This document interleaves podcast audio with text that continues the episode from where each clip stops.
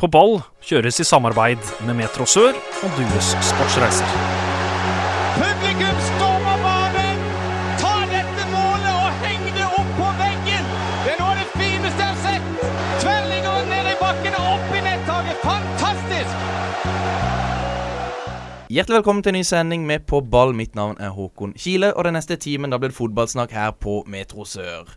Start de er klar for semifinalen i cupen mot Rosenborg etter å ha slått Bodø-Glimt i kvartfinalen. Og i studio i dag da sitter verken John Rippland eller Anders Flatstad, men jeg har vært så heldig og fått besøk av en som har tilbrakt eh, snart en mannsalder i Don, pluss en som har vokst opp eh, i Vigørland, tatt en svipptur innom Idol og diverse mediehus, og som nå triller ball i Tveit. Magnus og Anders Mjåland, hjertelig velkommen i studio. Takk skal du ha. Hjertelig. Først av alt, er dere egentlig familie? Eh, vi er i familie, men det er nok en sånn misoppfattelse blant eh, ja, folk i omheng her om at vi er fettere. Det er det Ja. nok. Men vi eh, er tremenninger, det, er- det er fasiten. Ja. Men så er vi også på en måte vokst opp så nære hverandre at vi er gode kompiser. Så det er jo ikke alle som har så nært forhold til nødvendigvis tremenningene sine, men meg og Magnus vi er, vi er ganske nærme. Og dere er Start-supportere begge to. Vi er Det Start-supportere. blir jo sånn. Det blir sånn. Og, eh, og Start de slo jo Bodø-Glimt eh, i kvartfinalen. Fikk dere med dere den kampen? Jeg fikk han med meg på TV. eh, fikk dessverre ikke Jeg hadde jo kjøpt selvfølgelig billetter til kamp, men jeg var bortreist i forbindelse med jobb, så jeg måtte overvære kampen på NRK. Anders, fikk du med deg kampen? Jeg var i foreldremøte i barnehagen til sønnen min, men kjørte det jeg kunne fra, fra Dvergsnes og nedover på Lund, og fikk med meg siste 25 minuttene. Så fikk med meg det gøyeste, vel.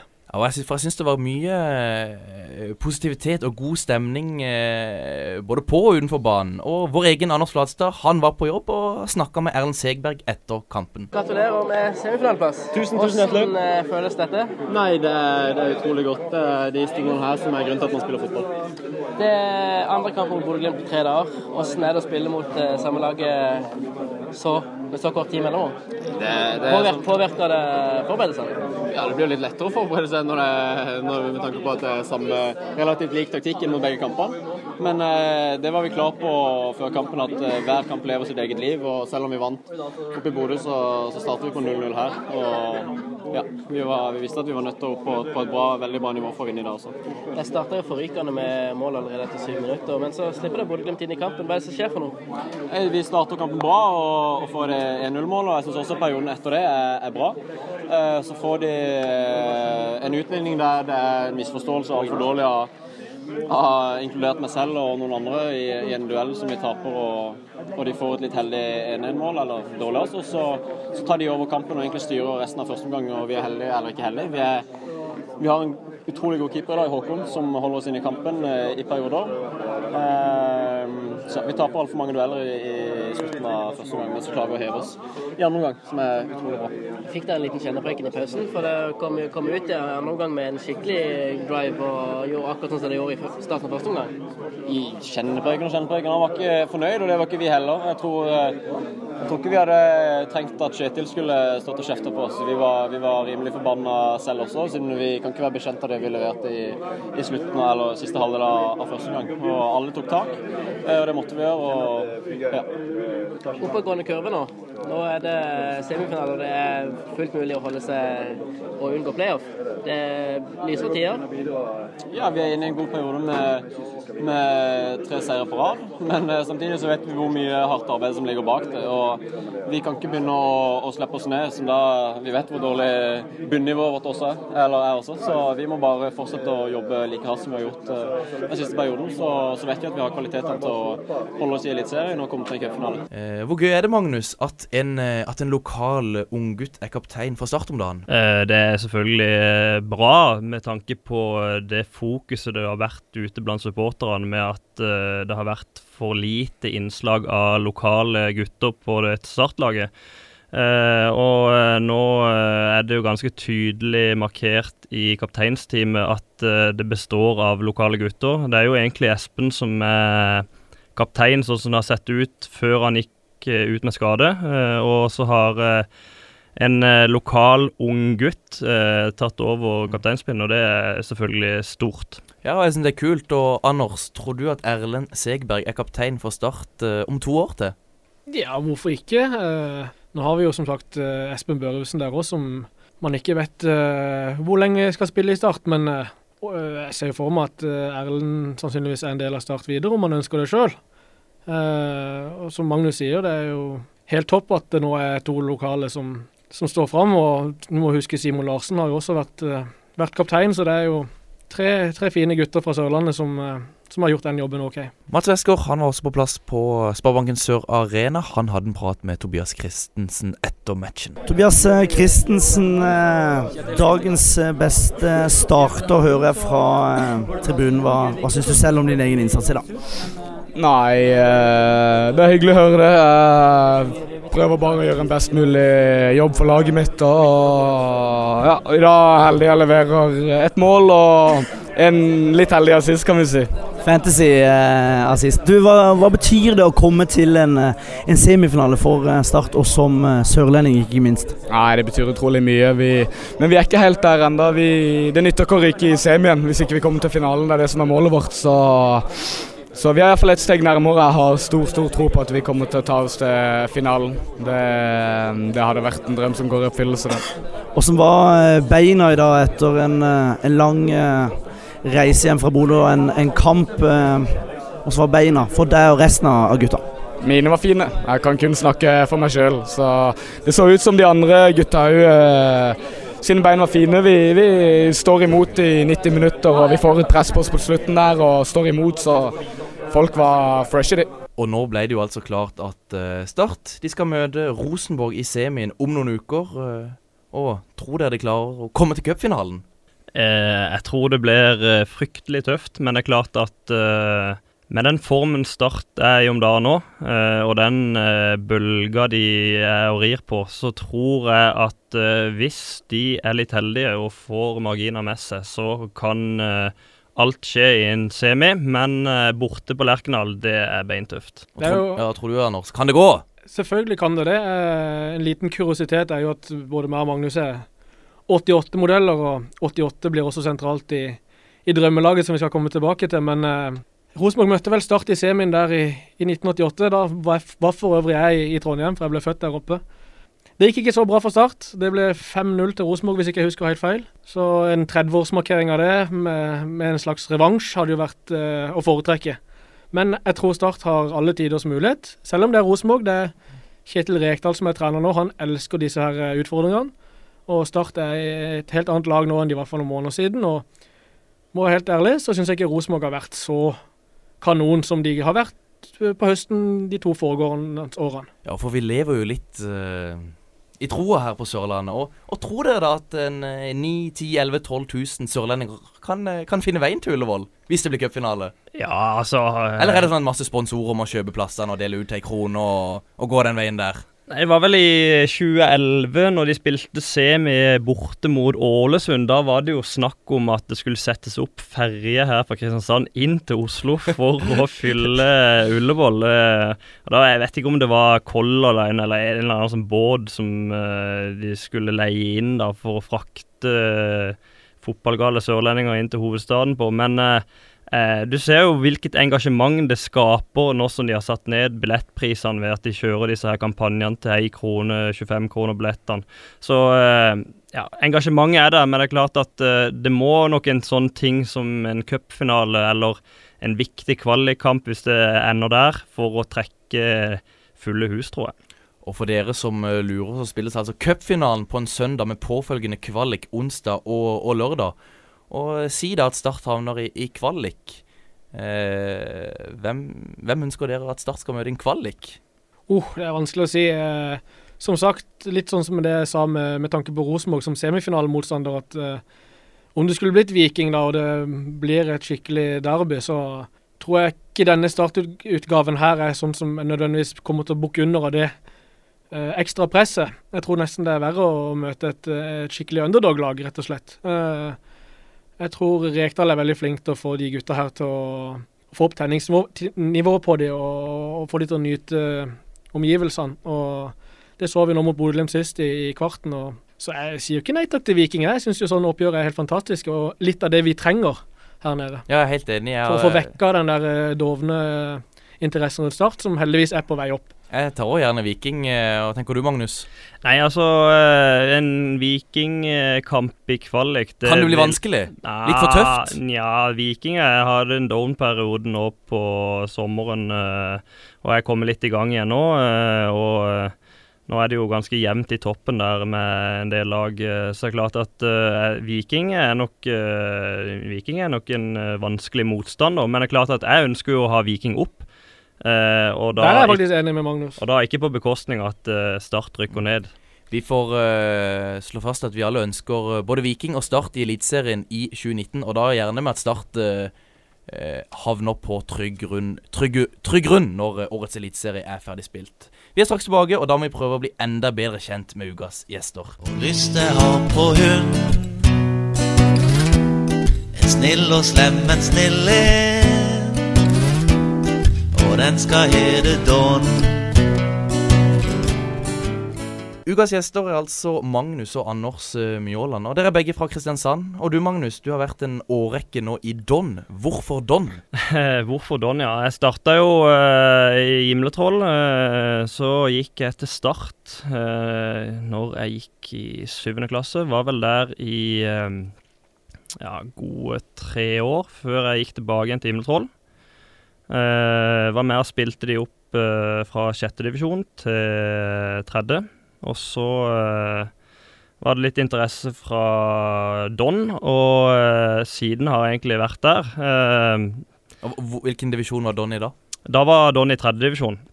Eh, og så eh, rykka de jo ned året etterpå, fordi at det ble en omlegging i divisjonssystemet.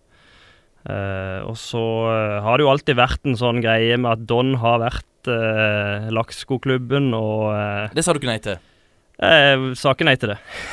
Men eh, ja, beste du har eh, spilt med, Magnus? Nei, beste jeg har spilt med, jeg har spilt med mange gode spillere, eh, men det er klart at eh, hvis jeg skal måle ut fra de eh, jeg har vært på lag med For du har vært i Start, og ja, spilte du da med Kristoffer Hestad, Fredrik Strømstad? Nei, når jeg var i Start, så eh, var både Strømstad og Hestad eh, på sine henholdsvis eh, A-lag, og ja, Jesper gikk jo òg til Start rett før jeg gikk til Start, og han gikk jo rett opp på Start 2, så det er klart at jeg har spilt på eh, lag eh, med Espen Børresen på skolelag. eh, men det er klart at når vi gikk til start på guttenivå, så, så var det ikke så var ikke utviklinga kommet så langt. Ja, hva, var det som gjorde at du gikk til Start på guttenivå? Det, eh, dersom Magnus, nei, Anders og, og meg da har vokst opp i Vigørland, det var ikke så tidlig å dra til Start så tidlig, syns jeg. Nei, men uh, i den tida der så uh, var det mange gode spillere som uh, gikk til start. Og det er jo klart at den derre spissinga var nok klar litt før det som kanskje er vanlig nå. Uten at de ønska å liksom legge det så synlig for allmennheten. Men det var nok litt sånn henting av spillere i den tida der. Og jeg husker jo at eh, det ble jo henta spillere fra Lillesand bl.a. Og Jan Jensen og Øystein Tandberg kom helt fra Aust-Agder. Og ut ifra dette klarer du å fiske opp et navn eh, på den beste du har spilt med? Ja, Hvis jeg skal si på klubbnivå, så er nok eh, Jan Jensen en av de beste spillerne jeg har spilt med. Han kunne, hvis han hadde hatt innstillinga si eh, på rett plass, så kunne han eh, spilt eh, i hvert fall eliteserienivå. Og det er jo ikke lenge siden Jan Jensen eh, herja i, eh, i Jerv. Eh, apropos Don og Don 2, ble det egentlig av alle disse profilene som, som var der? Nei, de eh, forsvant ut døra når det ble opprykk. Eh, det er jo litt sånn eh, rart å tenke på at de ikke ville være med opp, når de stort sett bare har vært med ned tidligere år i de klubbene de har vært i. Men eh, det ble vel litt med at ja, det er familiefedre, og ting tar tid eh, når du skal ha tid til unger og familie og alt sånt der. Og så var det jo ikke til å stikke under en stol at det var jo ikke alle bortekampene de var med på i fjor, så det ville nok ikke vært noe bedre i år, tror jeg. Stemmer det at du Eller jeg syns jeg i hvert fall har sett deg med en hund med et Don-skjerf. Er det, det denne hunden som eh, disse tre udugelige helter synger om? Nei, den eh, sangen der eh, kom eh, lenge før jeg kom til Don. Men eh, jeg har vært, vært på kamp med en hund, men det er en såkalt eh, tidligere skilsmissehund. Så eh, den er ikke en del av Don-familien lenger. Anders, kan du huske å ha spilt mot uh, Don eller mot Magnus? Jeg husker faktisk veldig få møter med Don, av en eller annen grunn. Uh, Magnus har jeg møtt noen ganger opp igjennom, det var jo alltid stas, det. Selv om jeg er fra, fra Grim og hører til Vigør og, og sånt, nå, så var jeg iallfall uh, Før alle disse Vigør-lagene ble slått sammen, du møtte Vigør-lag fra Tinnheia og Hellemyr og alt dette her ble en, en mølje, så hadde jeg like stor tilknytning til f.eks. Gimlekollen da, i min barndom. og det, Derfor var det mye, mye kjente fjes de gangene eh, vi møtte Gimlekollen, i motsetning til de andre jeg spilte på lag med. Så Ja, for du sa, du, sa, du sa du var fra Grim. Jeg husker uh, jeg spilt mot et lag uh, vigørlag som vi kalte for Myra. Myra, det stemmer. Myra 88 het mitt lag. Det var Myra 88. Vi spilte helt nede på, på den gressbanen Gressbanen. Ja. ja, den husker jeg. Den ble stygt ramma under den flommen som var nå nylig. Ja, da var det mer svømmebasseng. Da var det eh, mer svømmebasseng. de første perlene mine de ble skåra der nede.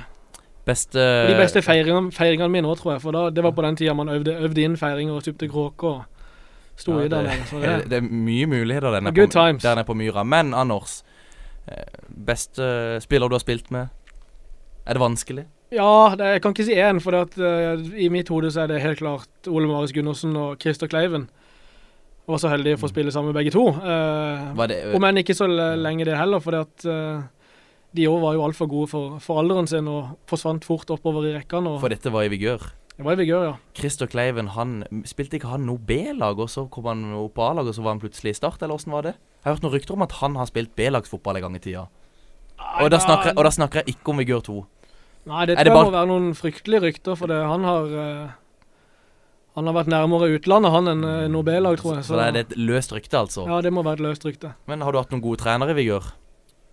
Ja, jeg har hatt veldig mye forskjellig rart, egentlig. Eh, vi var jo veldig heldige eh, som hadde, som mange andre da, i andre lag, ivrige fedre som, som også hadde god peiling fra ganske tidlig. Og det var jo sånn jeg likte best, ikke bare de som skulle bare ha det gøy og sto der for, for å stå der, men også som ville pushe oss litt. Og Men har du noen navn på noen trenere som du har hatt? Åh, ja, men det er, jeg får vondt av å nevne noen, og så ikke alle. Ja. Det er så vanskelig. Og det er så lenge siden, Ja, men eh, ingen nevnt, ingen glemt.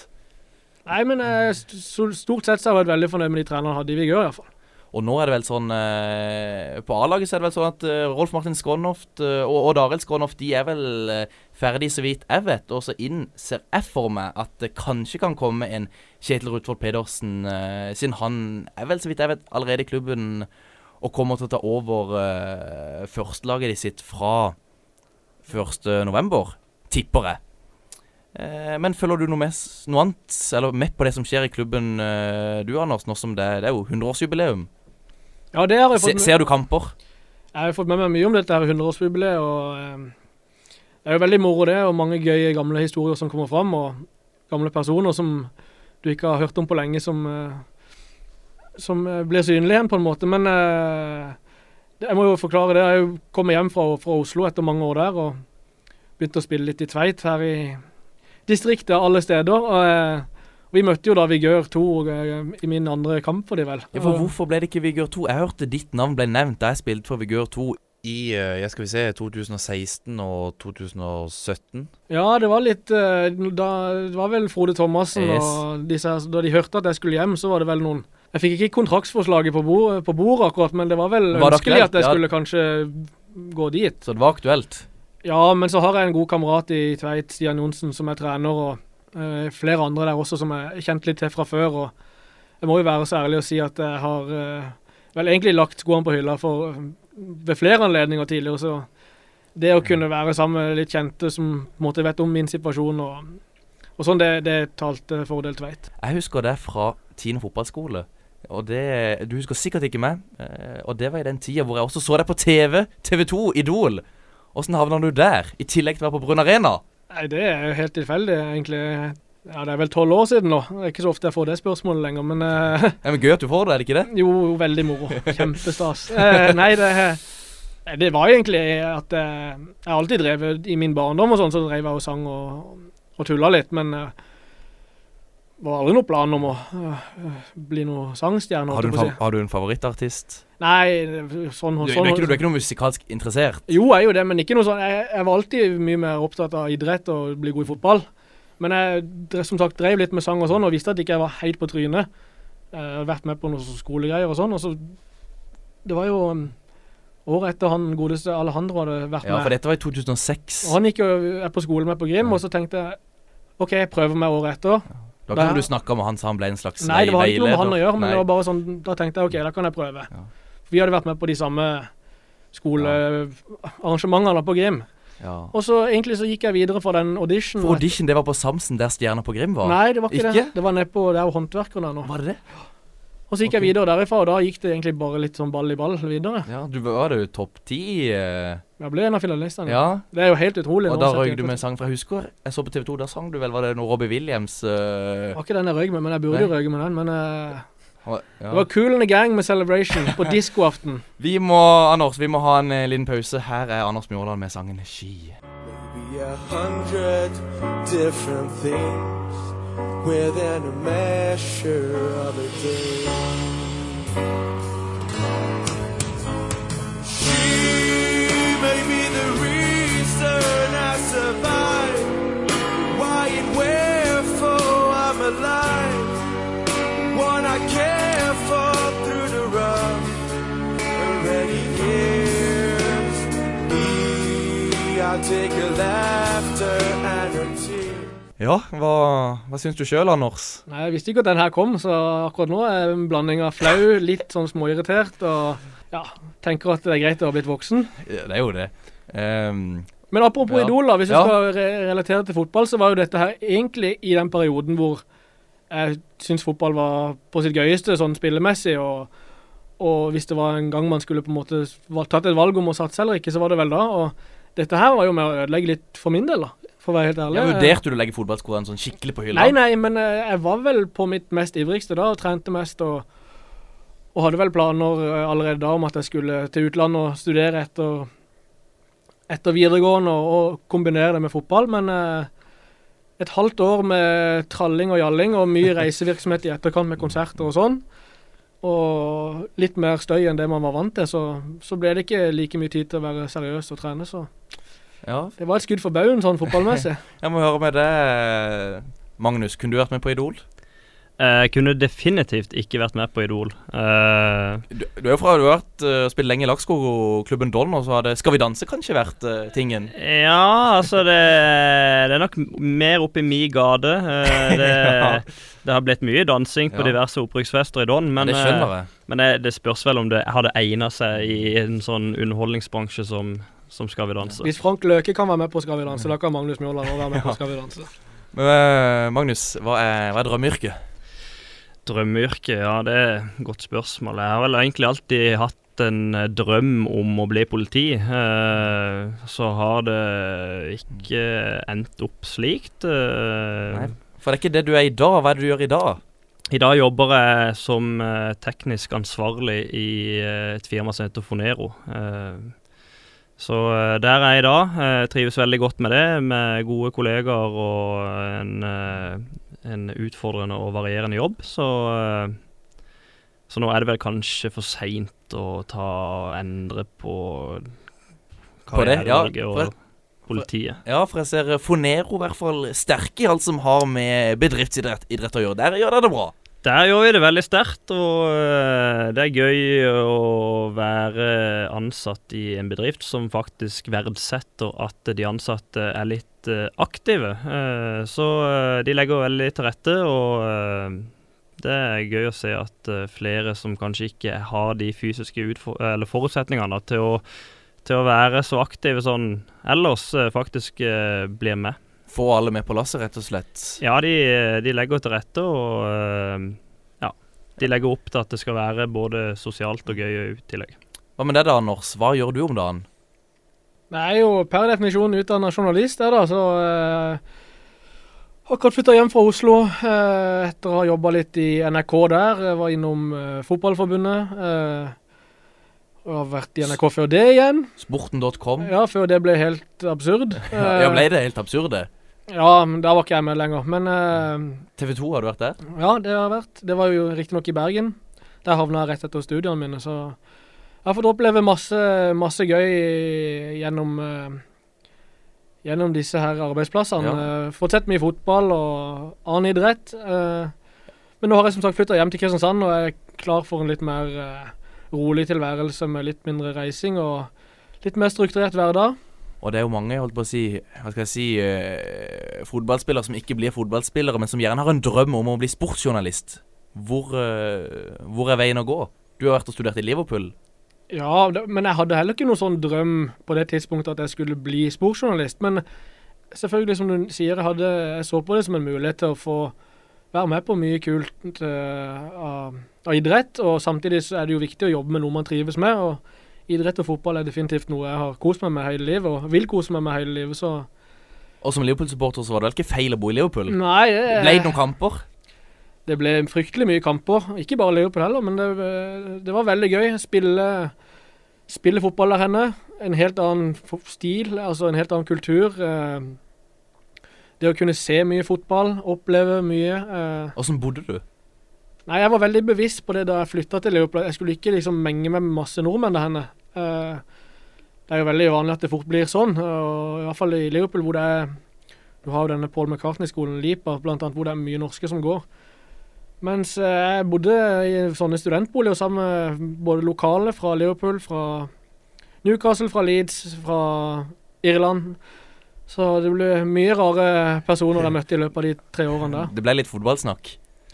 Det ble mye fotball, og det ble mye godt å drikke, og det ble mye opplevelser, ja. Så det var tre veldig spennende år, og det, det råder jeg alle til hvis de har muligheten til å komme seg ut litt og få Ja, hvem Få litt eh, erfaringer. Ja, eh, Anders. Hvem var kulest å jobbe med i NRK? I NRK? For der er det jo litt uh, personligheter, er det ikke det? Jeg ser for meg Kommer du liksom på, på hils med Tore Strømme, Karl Marie Ellefsen og Pål Gordon Nilsen? Ja, Fortell, fortell. Tore Strømme jobba ikke så mye med, men. Pål Gordon jobba jo mye med Nå gikk jo han etter hvert til eh, Discovery, da, men han er han, han er jo veldig hyggelig når du ser ham på TV, virker veldig jordnær, og, og sånn er han jo egentlig i virkeligheten nå. Veldig bra kar. Bor oppe på Jessheim. Han er vel da Ullkisa-fan. Uh, så han er en strålende fyr. Uh, Kara Marie er Ja, helt topp. Hun, hun, hun er vel den mest proffe du møter altså, noen plass. Hun bor bare noen steinkast unna Marienlyst. og Hun jobber alle dagene ikke noen andre vil jobbe. Hun jobber julaften og nyttårsaften. og ja, NRK er livet hennes så det er bare å bøye seg i støv for, den, for alle de årene hun har vært der. Og Ja, nå nevnte jeg egentlig bare noen navn som jeg tenker på når jeg hører NRK, men var det sånn at du satt og snakka med Arne Skeie og ja, ikke. du er jo i en redaksjon, selvfølgelig, så Ja, Spiser sammen i kantina og Jeg synes det nesten altså Jeg husker du jobba den dagen han kommenterte sin siste cupfinale. Det var jo også siste fotballkampen han kommenterte, og det var jo Det var jo egentlig litt sånn vemodig stemning på hele huset der. Og så Jeg hadde jo vokst opp med han som, som kommentator, men det var jo andre der som har jobba sammen med han i, i flere tiår. Og når du tenker over at han sjøl òg har jobba der i store deler av sitt liv, så er det jo en, en spesiell dag. Ja, det, det høres sånn ut. Og hva var egentlig det Hvis du skal trekke fram ett idrettsarrangement som du var med og hva skal jeg si, dekka, eller Ja. Har du et? Fotball-EM i Sverige for damer i 2013. Oi. Det var det kuleste. Hvorfor? Det var vel egentlig det fordi at um, For det første så dro jeg sammen med de personene i NRK som jeg gikk mye sammen med, og som jeg hadde det fint med. Uh, vi var et veldig lite team som skulle ned. Norge var i gruppe med Tyskland, Island og Nederland. Uh, Det var veldig lave forventninger til Norge. Uh, Norge hadde fått base i Kalmar, som er på sørøstkysten av Sverige, altså midt på sommeren. Litt sånn sommerby à la Kristiansand. Ehm, Norge begynner med 1-1 mot, mot Island. Skuffende resultat. og Vi ser vel for oss at vi skal være der halvannen uke, så er det hjem etter gruppespillet. Og så skårer Solveig Gulbrandsen ti minutter før slutt mot Nederland i den andre kampen, som gjør at man har håp om eh, avansement.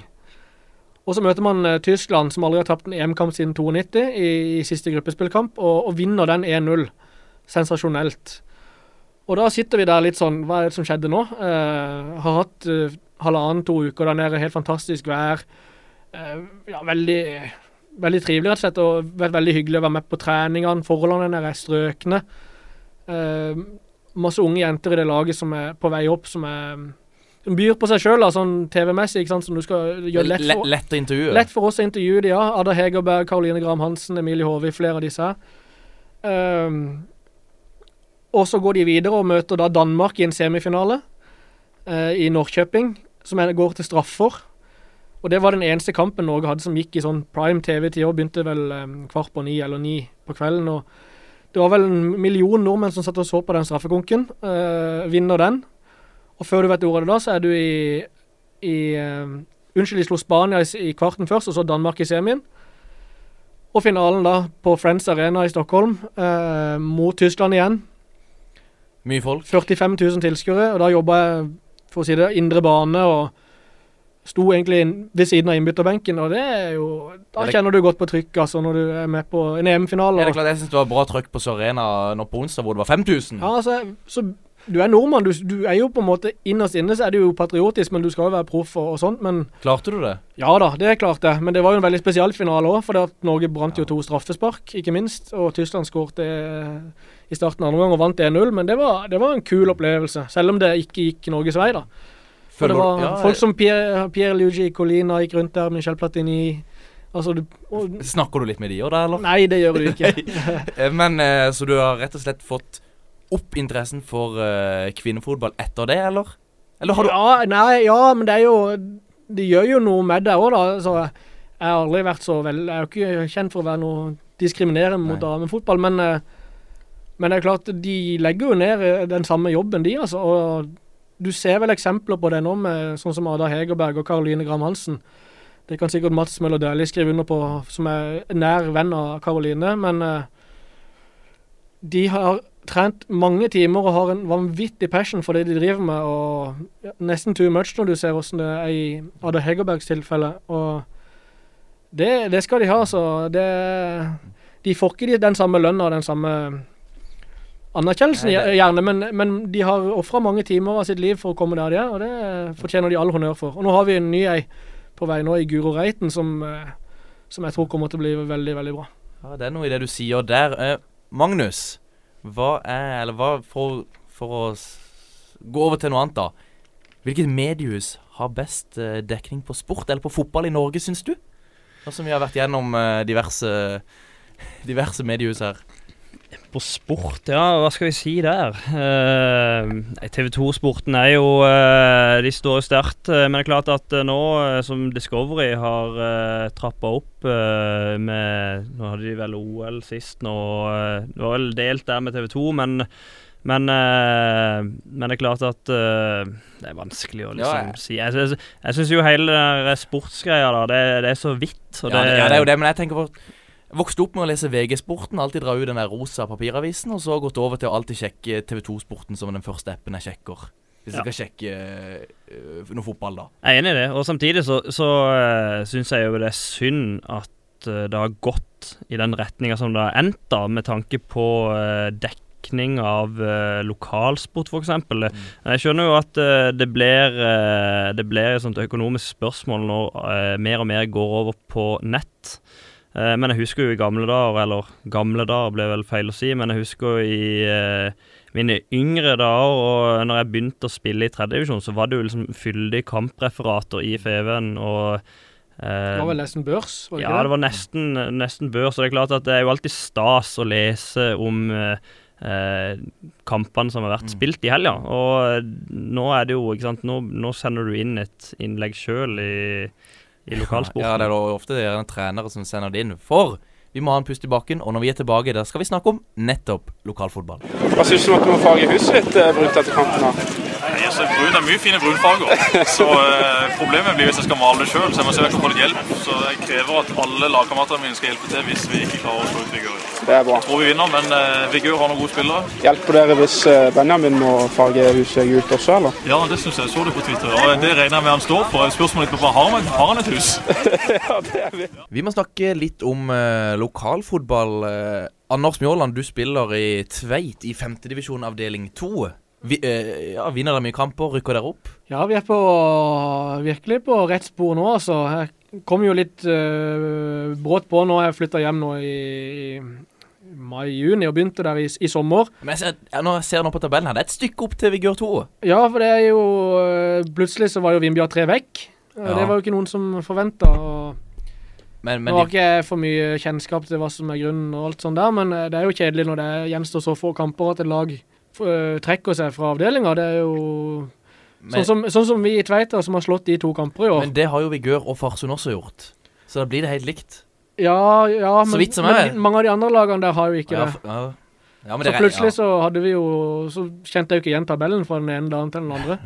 Så det er klart, for det, det er jo et Vindbjørn 3-lag som starta sesongen med Eller har brukt spillere som Jon Hodnemyr og Gaus har jo òg vært med der, så etter hvert som sesongen har gått for A-laget, så har jo disse spillerne bare gått opp i systemet der på andre lag og, og tredje lag, så Jeg ser i I toppen så er det Vigør 2, 16 kamper, 35 poeng. Og så er det Farsund på andre med 15 kamper, 33 poeng. Og så er det dere på tredje, 16 kamper, 26 poeng. Så det er jo en liten luke. Det ser litt tøft ut, spør du meg. Men Vigør 2 kan vel ikke rykke opp, Nei, så lenge Vigør 1 er i fjerde. Det stemmer, det. Men jeg tror Vigør er mest opptatt av å vinne avdelinga. For eh, ja, ja, og, og Farsund, de kan kanskje ha litt, uh, være litt lysten på å rykke opp. Men så er det vel sånn at den tredjeplassen gir kvalik. Andreplassen gir kvalik. Ja, men ikke med, hvis du tar vekk Vigøra ut av regnestykket. Ja, det er sant. Sant? For Så det, ja, det er muligheter der. Du har funnet litt nåløye, den- Den tredjeplassen, det er, Ja, når du sier det. For uh, ja. det er det gylne snitt i den tabellen, altså. Det Så ser, det ut, at, det, eh, det ser ut som du har funnet litt nåløye der. Det har jeg søren meg ikke tenkt på. Nei, så det er målet, da. Og det er jo der vi er på vei nå. Er det plutselig et opphold på en måned fra den kampen vi hadde forrige uke til, til neste. Jeg skulle bare si det da jeg kom, kom hjem og begynte på Tveit, så de to første kampene var, fikk vi spille på Kristiansand Ja, stadion på var- gress. Og det var jo litt sånn stort. eh, Det ble dessverre tap i begge to, eh, og én forsvant ut med en alvorlig kneskade. og sånn, Så det var jo ikke den beste starten i klubben, men nå utover høsten så har vi fått skikk på sakene. og er vel kanskje formlaget i hele divisjonen. Hele avdelinga. Ja, er Eh, eh, Magnus, vi, vi går en divisjon opp. Fjerdedivisjon avdeling 11. Don 2. Hva skjer der?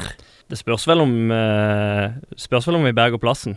Det spørs veldig. Dere er helt eh, Helt eh, på felgen i bunnen der. Ja, det har vært en, eh, har vært en tung sesong. Det var, det var et spørsmål før sesongen om det laget skulle trekke seg eller ikke. Så ble det vel egentlig sagt at med tanke på at førstelaget er i tredje, så ønska både A-laget, men også de spillerne som var med og spilte de opp eh, til fjerde, om at de skulle holde laget. Eh, litt for å gi best mulig kamparena for de som ikke er i uh, verken kamptropp eller i en elver for førstelaget. da. Men så er det tøft. Eh, nivået i fjerdedivisjon eh, er ikke så halvgalt, eh, og det er mange lag som trener mye. Og det har dessverre ikke Don 2 gjort nok i år. Har ikke du vært litt i styret i Don, eller? Jo, jeg sitter, eh, sitter i styret, Så da trekker du litt i trådene? Jeg trekker litt i trådene, eh, men det er klart at uh, her var det nok eh, spillerne sitt ønske som tynga mest, uh, og ikke, ikke klubbledelsen sine avgjørelser. Men uh, det blir spennende å se hvordan det ser ut til neste år. da Det går vel kanskje på en sammenslåing med Don 2 og Don 3? Det går nok eh, mot en sammenslåing, og eh, det blir en eh, god eh, gjeng med både eh, gode spillere og eh, spillere som har liksom meldt seg litt på etter at de kanskje har hatt et opphold fra eh, fotballen. da. Så det er en eh, god kameratgjeng eh, som òg er glad i det sosiale, og det er viktig. Hvis, dere, hvis vi går enda litt lenger opp i sånn tredjedivisjon og andredivisjon, følger dere noe med på Vindbjart, eh, Fløy, Arendal? Har dere noe forhold til Ja, Moseimoen, Anders. Har du, har du vært der og sett noen kamper? Steinar Skeie? Jeg har vært og sett Tveit der eh, rett før eh, min kontrakt gikk i boks med, med de. Og Tveit vant mot Vindbjørn 3. Men jeg har ikke vært og sett noen, eh, noen A-lagskamper der i år. Men jeg har vært flink til det da jeg har vært hjemme på, på sommerferie og sånn ved tidligere anledning, og dra enten der eller ja, Magnus var faktisk på Fløy Arendal, stemmer ikke det, i sommer? Stemmer det. 0-0. Ja. Men god 0-0-kamp. Det var God god stemning og Men det jeg syns er gøy å se, da, i, eh, og det går egentlig en sånn rød tråd helt fra Eliteserien og ned til de lavere divisjonene, det er jo at det er vanvittig jevnt både i topp og bunn. Eh, og eh, da kan man kanskje se tilbake igjen til den omlegginga som ble gjort her for noen år tilbake igjen, om at det kanskje har vært Hatt en eh, effekt, rett og slett? Ja, rett og slett hatt en effekt. For at eh, du ser både i andredivisjon, der er det vel er det fire lag, eller i hvert fall lokale andredivisjon her. Fløy har i hvert fall gjort det dårlig. De må begynne å vinne. Eh, I hvert fall hva er det de har Vidar og Brattvåg i de neste kampene for, å, for at ikke de øyboerne skal bli altfor nervøse. For det kan bli en eh, spennende høst der ute på Flekkerøya. Motsatt eh, på Mosheimoen, hvor Vindbjart eh, de er jo med i toppen. Tror dere Vindbjart rykker opp fra tredje til andre divisjon? Eh, jeg tror ikke Vindbjart rykker opp. Nå eh, er det vel eh, Sola som ligger eh, på topp. Det er det ett Eh, poeng, ett poeng foran eh, Vindbjart. Eh, Så er det jo sånn at eh, i morgen så spiller eh, Sola eh, på Kongsgård mot Don. Eh, Vil, vil Don hjelpe eh, Vindbjart? Eh, jeg vil ikke si at eh, man eh, skal hjelpe Vindbjart. Jeg vil heller si at man skal ta den kampen sjøl, fordi at Uh, ja, de, ja, for Don uh. Ja, det ligger i sjiktet der mellom uh, å faktisk henge seg på topplagene, eller unngå å havne i nedrykkssjiktet. Så det er klart at uh, den kampen blir viktig for begge lag. Så jeg vil jo bare anbefale alle som har tid og anledning til å komme på Kongsgård i morgen klokka 16 for å overvære den. Lørdag klokka 16 der, altså. Men i tredjedivisjon, eh, avdeling 3, du har jo en bror der, Anders. Eh, Sander. Ja. Hva sier han om eh, det som skjer i Start 2? De er på vei ned i fjerdedivisjon. Ja, de det.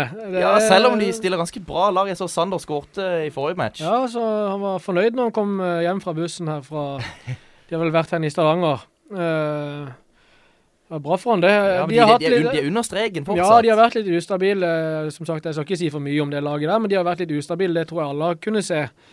Enten de har hatt med seg flust A-lagsspillere eller ei, så har de på en måte levert litt under det som kanskje var forventa. Men det er fortsatt flere kamper å gjøre det på. og Jeg tipper eh, Start som klubb kommer til å gjøre alt de kan. Og de spillerne på det laget kommer til å gjøre alt de kan for at eh, de skal berge plassen. og Det håper jeg også skjer. Og Nå vant de nå sist, og så får vi se hvordan det, det ender. Men jeg har en følelse på at det skal gå bra til slutt. Noe det ofte har vært da, med Start 2 i tidligere anledninger, at det går som regel greit. Ja, og det gjelder jo ofte flere andre lag, at de, de stiller mye sterkere på slutten av sesongen. Og så har jo A-laget nå heldigvis, selv om de er opptatt med, med bunnstrid og, og cup, at de har jo vanvittig mange spillere tilgjengelig. Det har ikke vært sånn som før at det har vært helt ned på beinet på, på A-laget heller. Så du, de har råd til å, til å låne ut, ut noen til, til det andre laget også, som gjør at det hever seg noen hakk. Så det er bra. Ja, han hadde jo, gikk jo fra å være en beskjeden ballvinner til å bli, dessverre for han, popstjerne sammen med Fredrik Dos Santos og, og Raymond Kvisik, et eller annet tragisk boyband. Han var jo den, det nærmeste vi kom popstjerne da. Med damer som løp, løp etter han, og det var jo helt bananas der en stund. Om er dum, eller hva sier si det? Da tenkte jeg det var på tide med litt uh, lytterspørsmål. Vi har fått inn uh, et spørsmål fra Jeg tror dere vet hvem det er. Jesper Mathisen. Vært gjest her før. Gi oss noen minner fra bingen på Himmelkollen. Ja, den er fin. Jeg tror nok jeg kan med hånda på hjertet si at uh, meg og Jesper er kanskje de to som har tilbrakt mest tid i bingen uh, på Treshumbanen. Uh, og uh, når den omsider ble reist i våre yngre dager, så var det et sånt spleiselag ved at man kunne kjøpe en planke som liksom skulle representere da den familien eller den personen som kjøpte da ja, planken som skulle stå i bingen. Eh, og alle som hadde kjøpt, de fikk seg en eh, Fikk navnet sitt på en sånn svær eh, plakat eh, på utsida av eh, den eh, bingen. Er dette, er dette noe som står? Eh, eh, nå har jo jeg ikke vært på Gimlekollen på flere år, så bingen står der nok enda, men jeg tror ikke den plakaten med disse navnene står. Men det som hører til historien, det er nok at eh, den uh, bingen har nok blitt skutt i stykker uh, opp gjennom årene, og ja I hvert fall Jesper har skutt i stykker ganske mange av de plankene der. Du har ikke så verst venstrebein du heller. Du har ikke så verst venstrebein du heller. Nei, vi, vi dunka litt med Jesper i bingen, men det er klart at jeg tror nok de plankene som ble kjøpt for den summen som de tilbød, den uh, har nok blitt dyrere enn eh, enn det de i utgangspunktet tenkte. Ja, men Var det bare du og Jesper som var oppi denne bingen? Nei, det var ikke det. Men, eh, men eh, de hadde egentlig satt av en sånn dag i uka hvor jenter skulle spille. Kun jenter skulle få lov til å spille. Men eh, det ble litt sånn rovdrift på den bingen, så det var, det var ikke så mange jenter som turte å nærme seg bingen. Men de har vel noen håndballhall Nei, de har kanskje ikke noen håndballhall oppe på Himmelkollen? De har ikke noen håndballhall, Nei. de har en squashhall, men eh, men bingen var liksom eh, Bingen var vår, vårt sted, og der tilbrakte vi eh, mange timer både fra morgen til kveld. Var du der, Anders? Jeg var jo det, som jeg sa tidligere, så har jeg mange tilknytninger på Gimlekollen, og gikk jo mye sammen med Magnus blant annet, og, og andre der oppe, så jeg, når jeg hører det spørsmålet fra Jesper, så blir jeg litt sånn varm i kroppen, for det er gode minner, altså, for det var spesielt, det her var jo før eh, vi ble gamle nok til å kjøre skuter og alt sånt her, det her var skikkelig i barndommen og ungdommen, og jeg husker jo mange helger vi har satt av nesten, jeg husker i helgene så satt vi av hele lørdagen og gjerne søndagen til å spille turneringer og cuper. Det var altså så mange som møtte opp på bingen rundt vårt eh, alderstrinn. Eh, så Jesper er jo ett år eldre enn oss, og oss og noen yngre òg. Og vi lagde lag og, og spilte som det skulle vært VM-finale hver eneste kamp. Og det var så utrolig gøy, altså. Og det jeg vet, jeg vet ærlig talt ikke om det skjer rundt forbi lenger. Jeg håper jeg tar feil, men jeg får ikke den følelsen av det jeg observerer, da. Nå kan det være at vi og Magnus har blitt så gamle og grå at ikke vi får det med oss, men jeg har jo en ti år øh, yngre sø øh, bror, og har jo sett han mye opp igjennom. Og han var flink til å gå på, på Løkka sammen med, med spillere i Vigør, Tobias og Jesper Daland, som også spiller, han er i Stabæk nå. Men jeg følte etter hvert som jeg ble eldre, at det var færre og færre. Og på Gimlekollen, der, spesielt i Bingen, der var vi noen ganger oppimot 40-50, husker jeg, på, på dagtid i helgene. Så der, der, er, som Magnus sier, der er det mange planker som har blitt skutt i stykker, og sikkert mye bein som har eh, knekt, og tenner som har røket. Men det var fantastisk gøy, altså. Det, det var det. Og jeg husker blant annet meg og Magnus var der en gang en kveld. Da kom Jesper ned. Så da var det meg og Magnus mot Jesper, mål til mål. Så det, to, to mot én, eller? ja, det måtte til det, Ja. vet du. For på den tida der så var Jesper altså så ekstrem. Og han var, han var for det første mye større enn oss, rent fysisk, og for det Ja, og, så var han og gamle var dere på den? Gamle kan vi ha vært da? Var det, var det syvende klasse, åttende klasse, niende klasse? Eller var Nei, det var ikke på ungdomsskolen. Det barneskolen? må ha vært barneskolen. Eller rett i overgangen der, tror jeg. Ja, i syvende klasse. Ja, det var nok eh, Det var nok i Jeg husker ikke helt eksakt når denne bingen ble reist, men, eh, men eh, det var på midten av barneskolealder, ja. Det skal sies at jeg på den tida der var alt det motsatte av storavvekst, så jeg var ganske liten for alderen. og det var greit å, å være to mot, mot Jesper, da. Ja, gikk det? Hvem vant? Nei, altså vi, vi spilte jo det såkalte mål til mål. Ja. Eh, og eh, ja, eh, Jesper har jo et skudd som kan nå langt, for å si det sånn. Og det, det ble jo ofte tap. Det gjorde det. Det var et uh, veldig bra og utfyllende svar på det lytterspørsmålet til Jesper Mathisen. Der vi kan ta et lite et fra Matt Westgård. Hva syns dere om Adleka Kenyemi?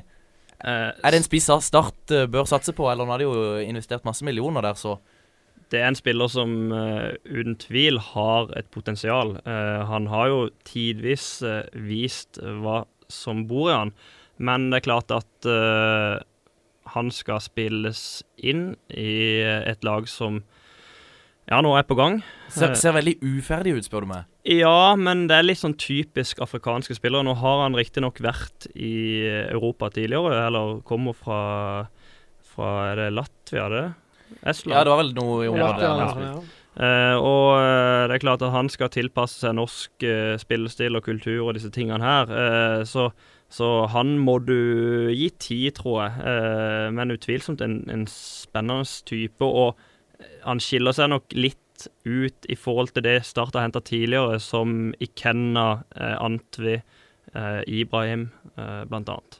Er du enig, Anders? Er Ja, han har noe ved seg som de Magnus nevner ikke har hatt. Og så er det veldig deilig å se at Start har eh, en på topp der med litt fart i beina og som er litt uredd. Det har de savna, føler jeg. Det har blitt eh, Ikke for å si noe vondt om Floki og sånn, som selvfølgelig er en veldig god avslutter, det her, men det har gjerne gått litt, uh, litt treigt, spesielt i den situasjonen Start har vært i, som har måttet være litt eh, primitive gjerne i enkelte kamper. Så er det veldig fint å ha en du kan sende de der stikkerne og litt lange ballene opp, som kan løpe forsvarsfireren litt i, stykker. Slå litt i bakrom, rett og slett. Rett og slett, nå var han litt sliten den siste enden han fikk mot, mot Bodø-Glimt. Der så du, det var han ble vel tatt igjen, og det ble vel en slags mølje med keeper. Men de der situasjonene har vi sett altfor få av de siste årene, føler jeg, fra start. og det, det å ha det våpenet på lager, det er gull. og Han har vært der i noen få få måneder nå, så jeg tror vi skal ha tålmodighet med han. Og jeg tror at det kan bli en fin, fin tilvekst. Norges lag nummer én Rune Almenning Jarstein. Nummer tre Kjetil Wæler. Nummer fem lagkaptein Brede Hangeland. Vi har kommet til spalta Drømmelag. Spalta der hvor gjesten, eller gjestene, tar med seg en elver. Bestående av spillere de har spilt med, spilt mot, eller Litt spent på hva vi får her. Får vi en eh, Vi kan få en blanda Blackburn og Liverpool-lineup, eller får vi Don og Vigør-spillere? Ja, hva får vi? Nei, her får vi rett og slett en eh, 88-årgangen All Star eh, edition eh, med spillere vi har spilt med. Eh, og eh, ja, vi kan vel egentlig starte eh, bakerst. Ja, det, du kan det. Er det 4-4-2? Er det 4-3-3? Er det Nei, altså for å få plass til alle disse her eh, både aktive og avdanka stjernene, så eh, måtte vi kjøre i Rutford-stil 1-3-5-1-1. Og så må vi jo legge til at vi har jo en fryktelig sterk benk, da. Så her er det egentlig bare å begynne å eh, ramse opp. Vi har ikke for, ti, for god tid til å gå gjennom hver spiller, men eh, I mål For å gjøre det effektivt, ja. ja. så kjører vi eh, Per Rudi. Per Rudi er nå i Våg. Han står i Våg, ja. ja. Stemmer det. Og Våg rykker opp til tredjedivisjon, eller? Ja, det, det er jo det- mitt tips. det- Anders, tror du MK? Nei, jeg tror det blir, eh, blir vel Lyngdal eller Våg, er det ikke det? Jo, men nå er jo MK jo oppe helt A-poeng med, med Våg. Og, eller er det Våg, MK Lyngdal? I hvert fall MK, Lyngdal og Våg ligger helt tett. Det er helt helt skandale at MK er der de er, så det er jo greit å få de opp en, en avdeling til, eller en divisjon til. Men, Det er noe med det. men eh, ja, Magnus sa det. Vi, eh, vi har vært heldige å spille med mange andre eh, gode spillere i vår aldersgruppe her, så det har vært ganske vanskelig å velge noen. Eh, Men en, eh, Simon Larsen går inn på den første eh, som førstemann i trebackslinja vår. Hvor spilte dere med han hen? Simon Larsen, jeg må jo si, jeg gikk jo i, på, på Gimle videregående i allmenn, og han var jo en av de som var flink på skolen og sannsynligvis ikke satsa noe på fotballen da, kontra mange Satsa andre. skole. Og tok vel nesten ferdig økonomi, ja, han tok vel ferdig økonomiutdanning på universitet, og før han fikk sitt uh, gjennombrudd, som sikkert mange kjenner til, i Vindbjart videre i Vålerenga, så nå er han i start og har vært flere sesonger uh, i toppfotballen, så det, han er selvskreven i, i trebackslinja. Ja, jeg spilte jo med Simon i start. Han var innom uh, ikke så veldig lenge, men han var innom en liten tur før han gikk tilbake igjen til moderklubben Randesund. Et artig poeng med Simon er jo at jeg, mens jeg har vært vekke, så har jeg vært hjemme på sommerferie selvfølgelig, og da hadde vi en såkalt kameratfotballgruppe på Facebook hvor mange av de gamle kjente møttes opp på bl.a. Sukkervann for å spille, og da var jo han en av de som, som møtte opp, selv om han da på det tidspunktet spilte for Randesund litt ned i divisjonene. Så det var jo litt sånn det var, Og det er ikke så lenge siden, så det er jo litt gøy å tenke på. Det er aldri for seint, med andre ord. Nei, han har vært flink eh, til å få det meste ut av, av karrieren innen fotball, ja. Hvem spiller ved, eh, ved siden av Simon Larsen bak i forsvar? Der er det en som jeg har spilt sammen med i både Himmeltroll og i eh, Start og i Don. Eh, han har også vært kaptein i Vindbjart og er nå daglig leder i Grorud fotballklubb i Oslo. Det er Jon Ole Reinhardsen. Styrker, svakheter, eller Styrker. Eh, Styrker, han er jo eh, Han er kapteinstype. Eh, si, ja. kompromissløs stopper eh, og en spillende stopper. Og så er han den eneste stopperen som Eller kanskje den eneste fotballspilleren i Norge som har skåret tre selvmål i en og samme kamp. Anders, du som er Oslo-kjent, hvorfor er det så mange sørlendinger i Grorud? Eller hvorfor er det der alle sørlendingene eh, havner? Det er jo Eirik Kjøne Vær, vær flink der til å Han er jo òg en litt sånn som eh, Han ga seg med fotballen kanskje litt, litt tidlig, men eh, er genuint interessert og flink faglig. Og har fått stabla på plass en god gjeng henne der, blant annet. Nå kjenner ikke jeg til at det er så mange andre hva, hvor alle andre sørlendinger er i Oslo, men i hvert fall der i Grorud har han vært flink, og Jon Ole har er jo vært der. Og, så de gjør en god jobb. Magnus, eh, var det Trebekslinja du sa? Det stemmer. Men da skal jeg, jeg skal ta det neste banen, for Ja, ja. jeg kan ikke si det her. Nei, For at, nei. nå kommer nemlig Magnus Mjåland. Ja. Uh, vi har vært så frekke å inkludere oss sjøl her. Det er lov. De fleste, de fleste som har med drømmelag, tar med seg sjøl. Så det må men, være lov. Men med forbehold om at vi prøver ikke å si at vi er helt på samme nivå som flere av disse spillerne her, men nå har vi sjansen, og da benytter vi den. Det var vår mulighet til å komme inn på dette Ja, laget. rett og slett. Så da må jeg snakke om Magnus, da, og det er ganske enkelt. Han eh, har et eh, venstrebein som mange kan misunne han. Det har han hatt helt siden han var bitte liten. Eh, Presist og skyter knallhardt. Og så har han jo begynt å trene noe voldsomt i det siste år, så nå er han jo i god kondis igjen. Så da tror jeg han hadde vært en god tilvekst på dette laget her. Kan han være det en som kaster lengst i don, eller får han eh, eller, du ja. har kasta han òg, ja. ja. Du kaster ganske langt, Magnus, gjør du ikke det? Ja, jeg er vel en sånn uh, Dilepp-type. Har, vel, har vel kommet ganske langt med at jeg kan uh, ha min forse på eh, dødballer og uh, styrke på lange innkast, så det er, ikke så, det er ikke så mye mer som skal til. Nei, Vi har noen eh, i, på Don Treo i, i Pål Hogga og Benjamin Eik Salvesen som kaster eh, ganske langt, så så eh, Donna kaster. Men den venstrefoten hans den hører, hører til flere divisjoner over der Don 2 spiller, for å si det sånn. Så se opp for dødballfoten til Magnus Mjåland framover. Oh, yes. vi må opp på en midtbane. Vi begynner eh, på eh, den ene flanken, og der eh, har vi prest inn Jan Jensen. Og han har absolutt fortjent en plass på dette laget her. Han kunne, han kunne spilt, som jeg nevnte tidligere, mye høyere, og ga seg jo nå i fjor i Jerv. Eh, han uh, takka vel nei til å være med eh, på treningsleir med Starts A-lag til La Manga i sin tid når han var i Start, eh, fordi at han ikke hadde treningstøy. Så- Rett, rett og slett.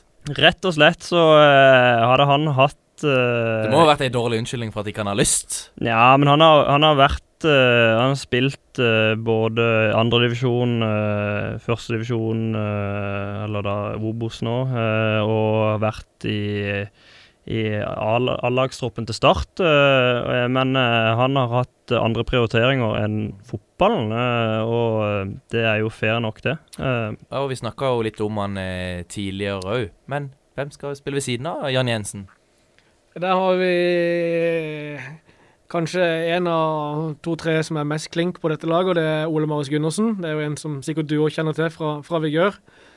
Jeg tipper det gikk i ett ord om han og og Christer blant dere som var litt yngre enn oss eh, da dere begynte å spille fotball. Eh, Ja, Jeg har noen autografer på noen gamle Tine fotballskole-T-skjorter annet inn, så ja. Jeg, Det er jo, skal nevnes han er en god, god kamerat av meg, men eh, det er jo en sånn case med hva kunne vært. var ikke han i noen brann eller noe greier? Jo, han var jo så god han at han havna i brann idet vi skulle i videregående alder. og eh, Det var jo da Brann var på sitt beste òg. Raymond Kvisvik og det- Pål Scharen og ja. Martin Andresen, de gutta der. Og var vel med på noen A-lagstreninger der. Og, og kom vel hjem igjen, eh, litt eh, av forskjellige årsaker, skade osv.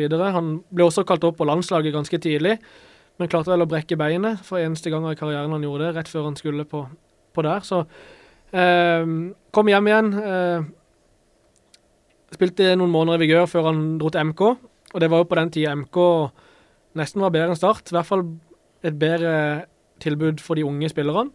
Fikk eh, en god treningshverdag da, og ikke minst en kamp hver dag i, i første divisjon der. og Dominerte flere kamper. Jeg husker jeg så på han mot Molde, som var nede i Obos-ligaen på den tida. Spilte mot Magne Hoseth og Mambe Ramdioff og de gutta der. Molde vant riktignok den kampen, men han var desidert eh, hjemmelagets beste. Etter det så, så På den tida var det litt sånn at eh, han var litt glad for han ikke gikk til Start. Det ble vel sagt litt i avisene. og Jeg tror det har vært litt vanskelig å, å komme inn i Start, i hvert fall på den tida igjen, ettersom han, det ble brent litt broer. Men han har jo fått en, en karriere ut av det. Har vært uh, i Førde og Arendal og rundt forbi. Så nå er han jo i, i har vært i Vigør. Ja, er Og det er vanskelig å dra han ut derifra. Han har vel gjort comeback der fire-fem ganger. Ja, og jeg, jeg tror jeg, ja, han er litt sånn på hell nå, for jeg har hatt han inne på mitt Jeg vet ikke om dere spiller breddefence i fjerdedivisjon. Der har jeg hatt han inne en stund, men jeg skulle ønske han tok litt mer poeng. eh, Men han òg har jo hatt et fantastisk venstrebein helt fra han var bitte liten. Mm. Et tilslag som ikke ligner grisen. Eh, kunne skyte fra den ene enden av banen til den andre før vi andre kunne få ballen ut av 16-meteren nesten. Altså, det var helt ekstremt. og Han er desidert en av de største talentene vi har hatt her de siste ti årene. Og hvem skal spille ved siden av Ole Marius på midtbanen her? Eller er det åssen er vi på for- formasjonen? Var det tre Vi har tre midtbanespillere, ja. ja. Ja, eh, sentralt eh, så er det Erik Breistøl. Eh, spilt med han i Gimletroll, eh, spilt med han i Start, og han har jo vært eh, i Don sammen med. Eh, spilfyrer. Han eh, styrer eh, midten eh, med stødig hånd. Eh, har også vært kaptein eh, i Start 2. Eh, kunne, kunne tatt steget, eh, men han ga seg. Eh, sånn cirka rundt der de fleste pleier å gi seg. Eh, så han får plassen sentralt på midtbanen på vårt lag. Han er jo også en av disse her som har vært med på å vinne juniorcupen med, med Start i, i sin tid. Ja, Og ved siden av ja. Breistøl så har vi en annen en, som både meg og Magnus kjenner godt til. Marius Hammersmark fra Lund. For han er opprinnelig midtbanespiller, han. Ja. Han er opprinnelig midtbanespiller, ja. Han var jo eh, litt sånn, han var litt sånn, ligna litt på meg i ungdommen. Var, var ikke så stor av vekst, men veldig fotballsmart og veldig, hadde veldig gode ferdigheter med, med ballen. og det er jo pussig som jeg husker tilbake på at selv om ikke vi spilte på lag, og sånn, så var han likevel en jeg kjente til fra veldig tidlig alder. Jeg lurer på om jeg faktisk var på stadion og spilte litt fotball med han før vi i det hele tatt var i samme skolekrets eller sånn. Så det, og han spiller jo ennå og har uh, vært i USA og spilt. og har jo øh, fått mange opplevelser gjennom fotballen som, som uh, han er vel unt, for han har lagt ned mange timer for å, for å bli så god som han har blitt. Og eh, har vi da venstre midtbane igjen? Det har vi. Den er jo selvskreven eh, til min eh, gode venn Espen Fjordene Børresen. Han hadde nok passert inn på dette laget her uavhengig av vennskap, men ja, han er jo den eh, i elveren sammen med Simon som eh, har spilt på høyest nivå, og eh, er selvskreven eh, ikke bare på sikkert vårt lag, men også mange andre lag her i Ja, ja, når, men når er han tilbake på start? Jeg syns han har vært ute i en evighet nå. Du som kjenner han. Ja, han eh, skulle jo eh, i utgangspunktet egentlig bare være ute i fire til fem uker. Så har det gått litt tråere enn det de først eh, trodde. Eh, når sist jeg snakka med han, så, eh, så eh, sa han at eh, Ja, han håpte jo da at han skulle rekke Kristiansund borte. Eh, det har han jo ikke gjort. Og eh, nå er det vel sagt at eh, forhåpentligvis helt på slutten av sesongen. Dessverre for Start. Han avgjør cupfinalen, kan vi ikke si det sånn? Det høres ut som en plan. Men så var det jo litt spennende, for dere sa tre, fem, e... Nei, hva var det? 1-3-5-1-1. Ja, så Hilsen Rudfold Pedersen. Ja, ta det videre. Hvem er nestemann på lista? Der har vi jo en annen vigører som du også kjenner til, som eh, allerede nevnt han ene, Ole Marius Gundersen. Den andre er Christer Kleiven. Eh, var heldig for å spille sammen med de, og de var jo ikke minst med på å dra opp eh, nivået på vårt lag i flere hakk de gangene de var med opp gjennom ungdommen. I likhet med Ole, det glemte jeg å si i stad, så har han hatt et uh, treningsopphold i Everton bl.a. i ungdommen. Så god var de. uh, Ja, det, det bildet har vel gått sin gang på Facebook når ja, du sier det. Ole var jo først over en gang med han med Ask Mikkelsen, og så var det vel Christer og Ole som dro gang nummer to. Uh, helt annen type spiller enn Ole. Eh, vanvittig teknikk, et steg. Eh, det har jo de fleste sett òg etter hvert. Det var litt artig, for det Ole gikk til MK som sagt, og, og begynte å spille på ganske bra nivå før Christer. Men så skjedde det mye endringer i start. ikke sant? Man gikk fra en sølvsesong og bytta litt trener, og plutselig så fikk de unge sjansen i start òg.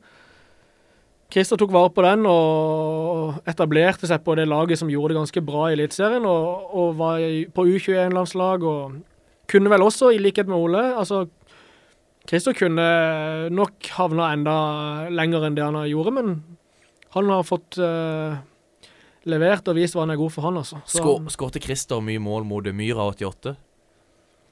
Det gjorde både Ole og Christer gjorde det. Eh, De var jo en del av dette Hellemyr-laget som vi møtte eh, på den tida. Det, det gjorde det. Som sagt, at vi spilte på syverbane med de tilslagene de hadde, det, Det ble noen mål. det, det var ikke rettferdige lag, for å si det sånn. Men videre. Ja, på topp så uh, havner jo selvfølgelig Anders. eh, og uh, de kunne jo ikke vraka han eh, fra dette laget her. Eh, og Anders er jo en spilletype som uh, har uh, skåret mye mål og har mye mål i seg. Eh, og han er jo en type som kan skåre litt spektakulære mål, i hvert fall i våre yngre i vår yngre alder. Ja, for det ble vel ikke noe mål når jeg var så uh, Tigerberget mot uh, Tveit på Kristiansand stadion? Nei, hadde vel den beste avslutningen i kampen, men det skal han ha. Han keeperen var vanvittig bra redning. Ja, Og så tok det vel halvannet minutt som var tredje sist før vi skåret 1-0, så det holder vel, det. En, en hockeyassist må holde. Jeg har en del av de også. Det. Men Anders, han, eh, han, har, eh, han er en liten snig. Han var kjapp og kvikk eh, i sin tid. eh, og I sin tid, ja. ja, var kompromissløs tross uh, fysikken, da. Uh, Skårte mye mål uh, for et godt Vigør-lag, så eh, så eh, vi har ikke noe sånn stort oppspillspunkt uh, i uh, elveren vår, men uh, vi har mye fotrapp og tekniske spillere som da kan fòre Anders uh, på stikkordet. Og det går rykter om at dere hadde med dere en benk også. Vi har med oss en benk. Derfor raser rase gjennom benken. Vi raser gjennom benken. Vi begynner med Preben eh, Johansen, eh, keeper. Eh, han eh, sto sammen, eller, han- sto i mål for Gimletroll og eh, eh, Start. Eh, liten eh, av vekst eh, på den tida, men eh, utrolig god. Nestemann som er med her, det er jo egentlig en fra Gimlekollen. Det er Henrik Ommundsen.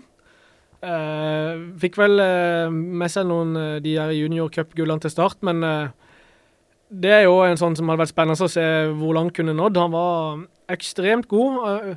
Var ikke typen som slo det som fotballfrelst i ungdommen, sånn som mange andre, men eh, med en gang han kom ut på banen, så var det nesten umulig å ta fram ballen. Han løp og løp og løp og løp. En kondisjon som ikke ligner grisen, og var veldig god. Og han er vel eh, Han tok jo et valg egentlig på relativt tidlig tidspunkt om at han ikke skulle fortsette med fotballen, og det er jo lov. Han er en veldig smart oppegående type som nå vel jobber som eh, sånn i sånn Han jobber i flytårnet på Kjevik, Ja, så han sørger, sørger for at vi andre kommer trygt, Trykk ned på baken. Men det er litt sånn som på banen. eh, Husker de kampene mot Gimletroll? Det, det var et herk å møte han på midtbanen. En annen eh, spiller eh, som òg har fått eh, plass eh, på vårt lag, eller på eh, benken til vårt lag, det er jo en spiller som er vond å møte, og som òg faktisk er aktiv uh, enda. Det er Vidar Vikstøl, Elseblad eh, i banden der. Eh, Er det den beste stopperen i fjerdedivisjon avdeling 11? ja, det vil jeg si. Absolutt. Og han kunne like gjerne vært inni den elveren her. Eh, på kanskje bekostning av meg. Men eh, nå tok jeg ut laget sammen med Anders, så da måtte Vidar, vik, Vidar måtte Vike. vike. rett og slett. Men Vidar, eh, fantastisk fin fyr eh, og en god fotballspiller. Noen flere dere har med på benken? Ja, Ulrik Håbesland. Det er jo en sånn som eh, ga seg, vil mange si, altfor tidlig, men eh, jeg tror både Magnus og jeg kan skrive under på at han òg var ekstremt god i sin tid. og Før man på en måte begynte å bli gjerne obs på det, Du må ha spilt mot han eller med han for å vite det. da, altså Det var før vi begynte med seniorfotballen han ga seg. Men eh, han var ekstremt god og var i, i, start eh, da dere var Ja, på det kjapp. beste. Fryktelig kjapp. Ja, han var det. Og til slutt eh, så har vi Avni Pepa. Eh, han har jo hatt karriere i Start og vært på Island og i Sandnes Ulf, eh, nå i Arendal. Eh, han er jo òg en spiller som lett kunne bekledd en posisjon i, dette, i denne elveren her. Eh, og han har jo fått en karriere, han, eh, med årene, og er en god stopper. Veldig gøy, for han, han, kom, han bodde vel i Oslo, og det var mens jeg gikk på, på ungdomsskolen, så plutselig en dag så kom jeg på skolen og har fått en ny elev i klassen. Det var Avni. Oi. Eh, jeg hadde, personlig hadde jeg aldri møtt han før, men kom inn i klassen, var litt stille og rolig. og Og dette var på, sa du, var det ungdom? Ungdomsskolen, ja. På På, på Grim. Grim. Eh, husker dette her, og da hadde vi vel Vi holdt på å pusse opp på Grim, så det var Ja, veldig vanlig. A-blokka eller B-blokka eller Vest i by? Nei, Nei, det, vi hadde faktisk eh, I 10. klasse så hadde vi brakker ute i skolegården, for de holdt på å restaurere hele skolen. Men på den tida, når det var fint vær, så var det liksom Det var greit å spille en gang i marka og sånn. Det var plutselig blitt en greie. Og han, var, han pleide ikke å være med på det engang, men så gikk det noen uker, og så hørte jeg at han hadde begynt å spille fotball. Og så viste det seg at det her var jo en klassespiller. Altså, han var får- men- men- kanongod, men det var ingen, på en måte, iallfall ikke jeg, og de nærmeste mine, som visste han var så solid som han var, og det er jo der kult å se at han Så da han merka dere at han var god når han begynte å bli med på en gang i marka? Ja, han begynte vel så smått, men han var ganske stille av seg og sånn når han begynte på skolen, husker jeg. Men i klassen, det er jo normalt det når du kommer inn i en, ja. klasse som har gått sammen i tre år. Men, men at han, han var så god i fotball, det tok litt tid før vi faktisk eh, fikk se, da. Og det var kult å, å, å se. Og han, som Magnus sa, kom seg, kom seg langt. Ja, for Vi hadde jo Wilhelm Peppa her i studio tidligere. Han var relativt pratsom. Ja, men han òg er jo en, eh, en, eh, en Altså en helt i lokalfotballen her. Han Han har jo dundra inn mål i årevis, så det er jo De har gode gener, disse gutta her. Jeg tror, eh, jeg tror at uh, dere ikke hadde noe, hatt noe problem med å vært med i sånn uh, 24-timerssending, for dette laget tror jeg dere kunne snakka om uh, ut i det uendelige. Ja, så må vi jo ta forbehold her at uh, hvis vi har glemt noen, så legger vi oss paddeflate. Det er mange sånne gøye vi kunne hatt med òg, men det, her tror jeg vi, i hvert fall folk vil synes det er et bra lag, og samtidig kjenne igjen kanskje de som ikke som ga seg litt tidlig, da. Så jeg, jeg tror vi har Det- det- ja, Magnus, eh, ikke minst, har gjort et bra grunnarbeid Ja, her. og dette laget kommer ut på våre nettsider om ikke altfor lenge. Hvem er botsjef? Eh, vi må nok uh, velge her uh, Erik Breistøl tror jeg skal være botsjef. Han jobber jo som politi her i byen nå. Og, Han vil ha mest glede av å samle inn de bøtene nå, tror jeg. Han er glad i å både arrestere og ta andre, så det er nok mest hensiktsmessig å gi det ansvaret til han. Og da får dere råd til å dra på botur til Eh, det, dette laget her tror jeg kunne kose seg i Las Vegas. Oi, god tur. At Andy Carroll er i boksen. Ser han er ikke i bildet engang! Altså, Han må komme seg inn foran mål! Ikke rart, han ikke skårer mål. Hæ? Jeg er helt enig. Kan alle- Vi må snakke litt om uh, kamper som uh, kommer til helga. Magnus Mjåland, åssen er det egentlig å være Blackburn-fan i 2018? Eh, Det er betydelig mye bedre enn det det har vært. Eh, Vi har jo hatt en eh, blytung periode etter Wenkis inntog i klubben. Og etter fem år i championship så var det ned en liten tur med heisen til League One. Og så gikk vi jo rett opp igjen, heldigvis. Og nå har vi jo starta ganske bra. Tre seire, fem uavgjort og ett tap. Så ting ser bedre ut eh, enn tidligere, i hvert fall. Og hvem er det Blackburn har til helga? De har Nottingham Forest hjemme, en eh, tøff kamp. Ja, Blir det, blir det seier på Ewood Park? Vi har jo starta egentlig litt i samme tralten som var i fjor. Vi eh, tapte nesten ikke. eh, Vant hjemme, spilte en del uavgjort borte. Eh, så eh, ja, jeg har selvfølgelig forhåpninger til at vi kan ta tre poeng hjemme på Evil Park. Men uh, det blir tøft mot Nottingham. Nottingham har kommet godt i gang. Har du, har du vært noe over og sett eh, Blackburn i det siste? Du nevnte så vidt for meg at du har hilste så vidt på Gamsten. Ja, jeg var over eh, for Jeg har vært over flere ganger, men har jeg var på kamp faktisk mot Nottingham hjemme her for fem-seks år siden. Det var under Henning Berg sin tid. Da var jeg òg på en bortekamp borte mot Barnsley. Og eh, ja, da fikk jeg faktisk oppleve to av de eneste kampene Henning Berg vant som manager for Blackburn. Var han der i 57 dager eller noe sånt, var det ikke sånn? Ja, det var ikke så lenge han uh, fikk uh, beholde jobben, uh, men Han var jo der på den verste tida, så det var ikke enkle arbeidsforhold, for å si det mildt. Nei, det var tøffe kår, og det har jo vært litt av akilleshælen til Blackburn, at de har sparka av en lav sko etter at Wankis kom inn. Når får vi se Blackburn eh, i Premier League igjen? Eh, Målsettinga i år har vært å holde seg. Eh, kanskje, kanskje med god flyt, så kan de karre seg inn til en playoff, men eh, de bygger et lag eh, med unge spillere, eh, og jeg tror ikke det er realistisk å tro at det skal bli noe gjensyn med Premier League til neste år, men kanskje innen tre år. Er du, i- eller hva, Anders, har du, ser du Blackburn nå? Ja, jeg har faktisk vært på Ewood Park, jeg òg. Da gikk det ikke så bra for Blackburn, men det var, det var riktignok Da sto jeg borte sammen med bortefansen og så Leopold Blackburn. Det var vel i 2009. Da var det Paul Inns som var manager. Han var ikke så flink til det, han heller. Eh, da hadde, det jeg husker faktisk, du nevnte Gamsten, han hadde et vanvittig skudd i den kampen. Som ikke ble mål, da, men eh, det ble vel nesten årets redning, det Peppe Reina varta opp med den kampen. Husker det ble til slutt 3-1 til Liverpool, vel. Så det var en gøy tur. Ja, men, Men da bodde jeg riktignok i England, så det var togtur, da. altså. opp til Blackburn. Og det var da du fikk sett eh, en god del kamper live. Ja. Eller ringside. Men vi må snakke litt uh, Liverpool, Anders. Åssen er det å være Liverpool-supporter i eh, 2018?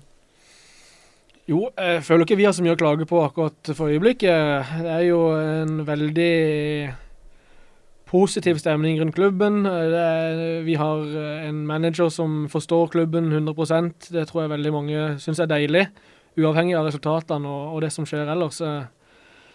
Eh, vi har et lag nå som er konkurransedyktige mot de aller, aller fleste. Eh, vi har en spillestil som er helt tipp topp. Altså det, det, det, er så mange oppsider nå at eh, du kan ikke annet enn å glise. og det, Jeg merker det hver gang du ser kamp nå, så går du bare og gleder deg til neste.